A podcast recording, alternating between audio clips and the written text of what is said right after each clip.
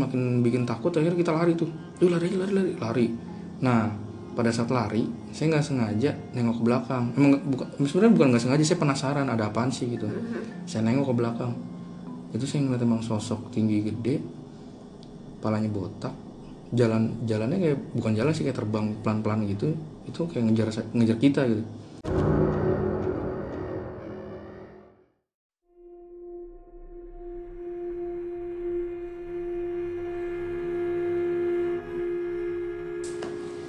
Assalamualaikum warahmatullahi wabarakatuh. Kembali lagi dengan Awanda di One Story Podcast. Teman-teman jaga kesehatan ya. Jangan sampai sakit. Ini soalnya aku lagi pilek. Suara aku agak berubah Jadi minta maaf ya kalau nggak terlalu jelas. Oke kali ini aku kembali lagi dengan Kak Bastian Bintang tamu tetap aku eh, Khusus untuk tema mistis ya. Dan kali ini dia akan cerita tentang pengalaman mistis yang pernah dia alami ketika lagi liburan sama teman-temannya, ketika lagi sama keluarganya. Nah, kali ini tuh pengalaman seperti apa sih yang bakal dia ceritain?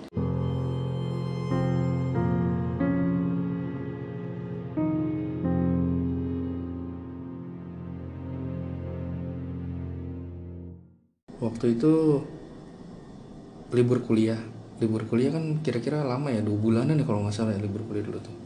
Nah saya tuh berencana sama teman-teman tuh liburan nih selama libur kuliah itu. Uh, akhirnya saya ajak tuh teman-teman. Banyak tuh yang mau tadinya ada sekitar 30-an sampai 40 orang tuh dia mau tuh tuh. dong. hmm ya guys tadi sih. Terus tapi pas mendekati hari H mau booking kereta banyak yang mundur banyak yang nggak bisa berbagai macam alasan lah. Akhirnya yang yang yang fix 10 orang. Hmm. nah singkat cerita jadi nih kita nih berangkat naik kereta. Itu suasana hati tuh bener-bener seneng banget lah. Udah jalan sama teman-teman liburan ya kan. Di kereta tuh kita bercanda-bercanda sampai kita diomelin sama bapak-bapak di sebelah apa tempat duduk kita gitu kan. Terus eh, pokoknya happy banget lah ya. Pas nyampe ke stasiun Lempuyangan aja kita foto-foto di situ. Asli pokoknya seru banget ya. Nah akhirnya sampailah kita di rumah saya. Tapi saya mau gambarin posisi rumah saya dulu nih. Oke oke silakan. jadi rumah saya itu dari jalan raya nih jalan utama itu agak masuk tuh ke gang. Gangnya tuh gang cuma setapak doang tuh jalan. Jadi eh, gangnya itu kan pinggir jalan ya eh, itu hutan hutan jati Wow. Mm, Jadi kita masuk dulu ke hutan jati itu kira-kira 200-an meter. Nah, baru tuh ket- ketemu rumah saya. Nah, posisi rumah saya itu eh, adanya di samping kali. Sebelah kanan tuh sebelah kanan rumah saya tuh kali, sebelahnya kali itu ada hutan bambu. Nah, tepat di depan rumah saya itu ada bambu juga, ada pohon bambu lumayan banyak. Nah, terus di samping kiri rumah itu ada kandang sapi. Oke. Nah beberapa beberapa meter lagi itu ada rumah Pak D saya tapi eh, kalau nggak salah dulu kayaknya kosong dari rumahnya. Nah terus eh, ada satu rumah lagi agak jauh dari rumah Pak D saya itu kira-kira 500 meter lah. Jadi cuma cuma ada tiga rumah di situ. Wow. Mm-mm. Oke bisa dibayangin tuh gimana seremnya coba dikelilingin hutan. Ya lumayan sih orang masuk ke mau ke rumah aja kan udah masuk ke hutan dulu kan udah serem banget tuh.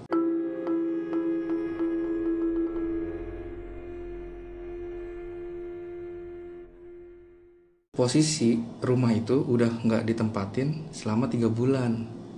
Oh, oh.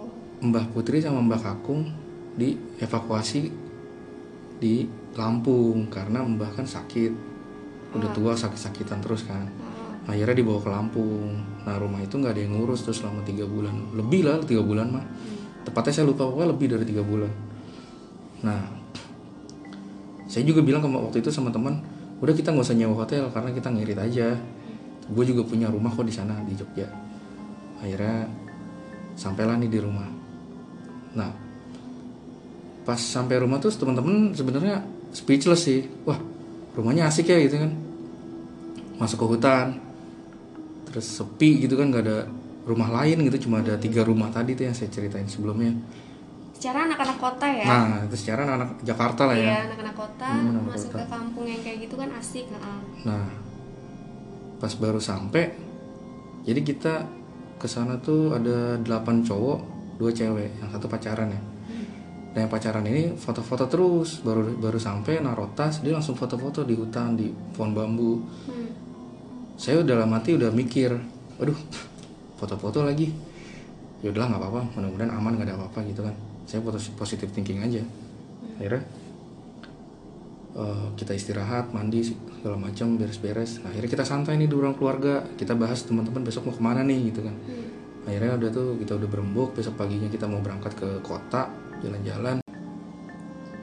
Eh, Nggak lama dari itu, yang tadinya foto-foto itu yang yang tadi tadi baru sampai foto-foto, Mhm. yang cowoknya nih tiba-tiba jalan ke arah dapur. Jadi posisi rumah saya itu ada ruang tamu, Mhm. eh teras pertama teras ruang tamu ruang keluarga terus dapur ya nah kamar mandi di belakang dekat sumur jadi saya punya sumur di sumur tua di belakang rumah terus dia tuh jalan nih ngelewatin anak-anak nih yang pada lagi nyantai-nyantai nonton TV lewat. Dia jalan sadar? Jalan Atau nah matanya itu kosong? kosong tatapannya kosong. Dia jalan ke arah dapur. Jadi dia ngelewatin kita gitu tanpa ngomong apa-apa. Jalan pelan-pelan terus akhirnya ditepak sama temen pundaknya. Wah Ije lu mau ke mana? Gitu nih. Terus dia sadar hah? Gue mau ke mana ya? Gue bingung gue juga nggak tahu gue mau ke mana kata dia. Wah lu gimana lu?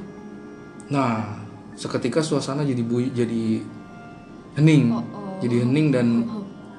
mencekam dari situ. Kerasukan dong dia tadi. Nah nggak tahu tuh tapi pas ditepak langsung sadar gitu sih. Kalau orang kerasukan kan langsung teriak-teriak kan. Ini enggak dia langsung sadar. Nah, akhirnya pagi nih pagi kita emang rencana udah rencana jalan-jalan. Terus saya sebelum berangkat saya masak nasi pikirnya kan ah nanti pulang pada lapar nih. Ya udah masak nasi deh. Saya masak nasi magicom saya bawa ke ruang tamu. Saya colokin lah di situ. Nah, terus saya berangkat tuh kan. Berangkat liburan nih jalan-jalan. Udah keliling Jogja udah puas. Jam 10 malam tuh saya sampai rumah. Hmm. nah saya janjian sama saudara saya tuh mas pupu saya yang rumahnya emang jauh banget dari kota. Saya telepon tuh mas nanti ke rumah ya saya mau minjem PS buat anak-anak nih. Kasihan gak ada hiburan itu malam-malam. Nah akhirnya ya nanti ke sana jam 11an ya malam tuh ya. Jam 11 malam. Oke udah janjian nah, akhirnya saya masuk nih. Saya pulang nih ke rumah.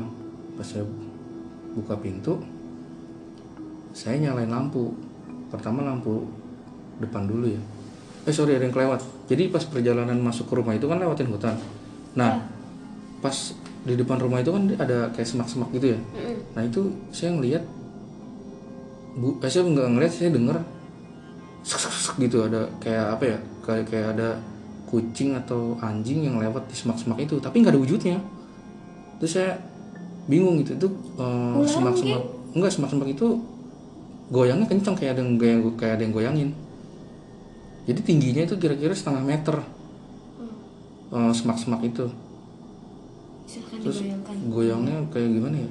Kencang sih kayak ada orang yang lewat gitu. Saya nggak tahu sih itu apaan. Nah terus ya kita buka pintu nyalain lampu tengah nyalain lampu depan. Hmm. tek. Nggak nyala lampu depan. Oke. Terus saya intip nasi kan. Saya buka.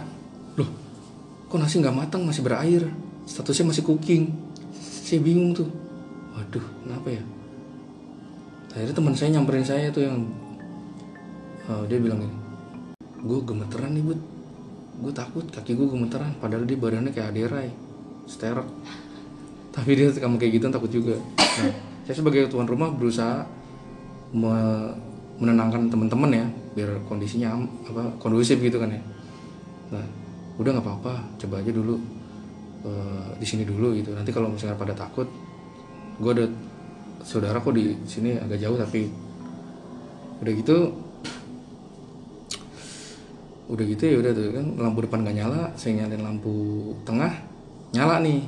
Lampu tengah nyala lampu dapur nyalain nyala nih. Nah terus lampu depan kan udah mati nih. Ya lampu dapur mati tiba-tiba tep.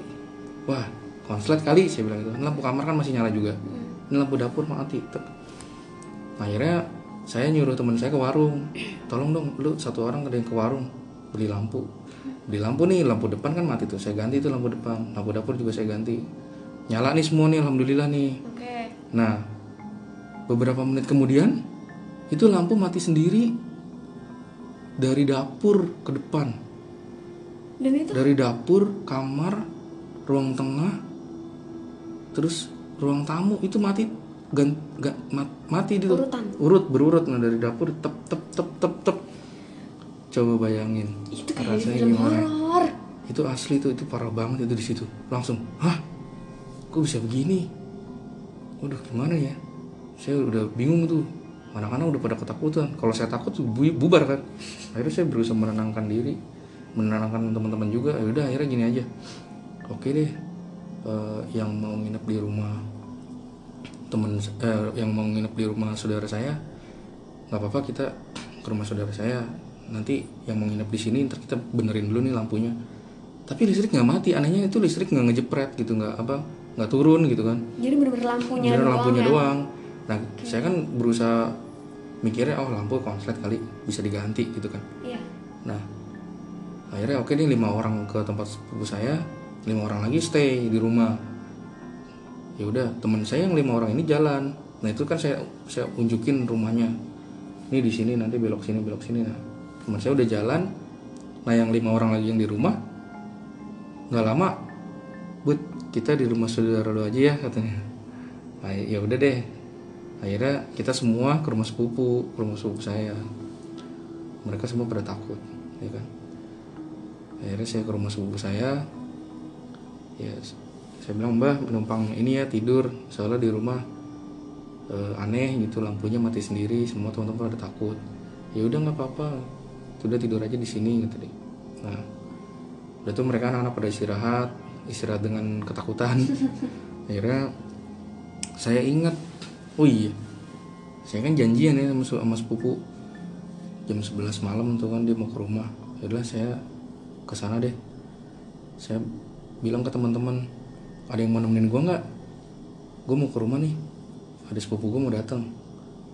Terus ada satu orang yang ayo mau gue ada satu orang yang mau tuh. Akhirnya saya jalan nih kan.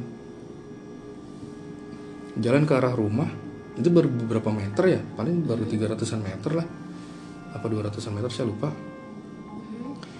Itu perasaan tuh jalan tuh kayaknya ngap banget. Itu dada tuh bener-bener rasanya kayak habis oh, kayak sesak banget jalan. Saya juga bingung itu jalannya kalau santai loh. Itu jalannya bener-bener santai tapi kok sesek gitu kan. Akhirnya saya bilang tuh sama teman saya namanya Menyeng ya. Nyeng kita baca baca baca baca. Coba baca al-fatihah deh. Coba baca al-fatihah. Itu semakin jalan sambil baca itu semakin engap akhirnya Nyeng kita mendingan balik lagi deh ke rumah saudara gue gak beres nih kayaknya nih akhirnya kita balik balik pertama jalan cepet. Terus kayak suasana semakin bikin takut akhirnya kita lari tuh. Yuk lari lari lari lari. Nah pada saat lari saya nggak sengaja nengok ke belakang. Emang bukan sebenarnya bukan nggak sengaja saya penasaran ada apaan sih gitu. Saya nengok ke belakang. Itu saya ngeliat emang sosok tinggi gede palanya botak. Jalan jalannya kayak bukan jalan sih kayak terbang pelan pelan gitu. Itu kayak ngejar ngejar kita gitu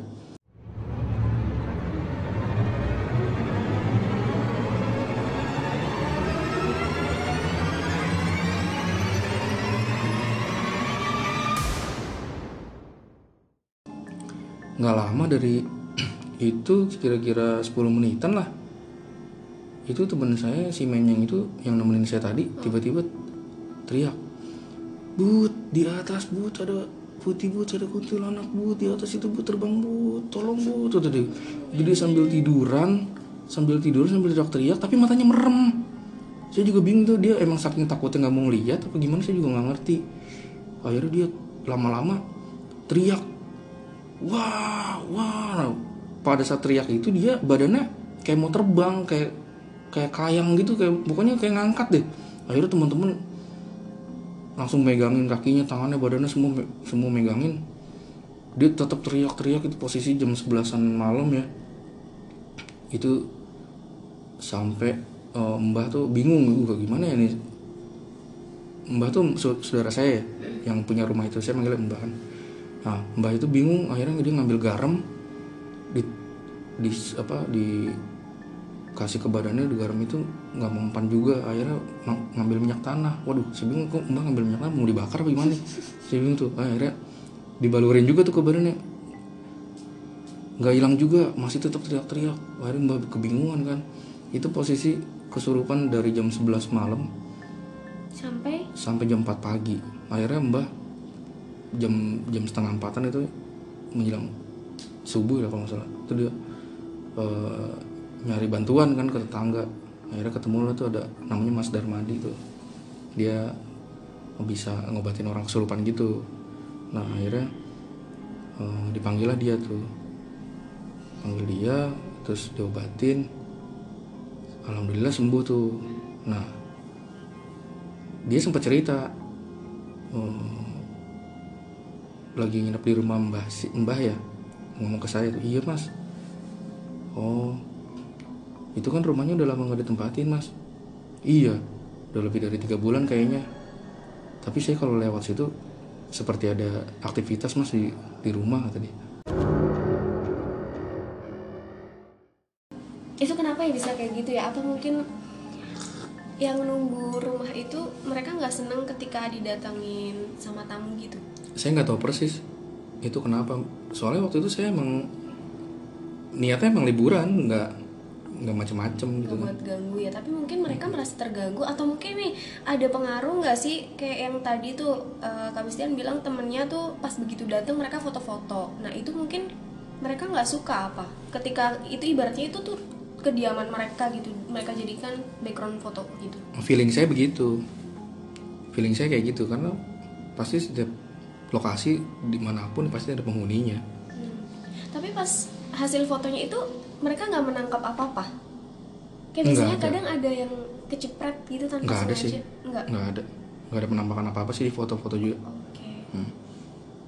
Dan apa yang kakak lihat di situ makhluk-makhluk macam apa selain yang tadi gede? ya saya cuma ngeliat itu doang satu saya nggak ngeliat apa apa lagi Itu lumayan kak, eh bikin bulu aku berdiri merinding. Apalagi yang tadi lampu tek tek tek tek itu, itu bener-bener kayak film-film horor banget sih. asli ini ini kisah nyata banget ya. Ini ini saksinya masih ada. Semuanya masih hidup. Bisa saya datangin juga nih ke si ke apa podcast Wanda nih. Boleh boleh. Aku mau tuh kalau semuanya datang cerita. Wah tambah seru. Itu seru banget. itu. Iya ampun. Nah itu tadi itu sepenggal pengalaman mistis yang dialami waktu eh, sedang ada liburan di Yogyakarta. Eh, silahkan kalian bisa bayangkan sendiri kalau takut ya. Ya udahlah, jangan didengerin. Oke terima kasih banyak teman-teman yang sudah mendengarkan hari ini. Terima kasih ke Bastian udah Siap, siap. datang. Kita akan ketemu lagi di episode selanjutnya. Wassalamualaikum warahmatullahi wabarakatuh. Waalaikumsalam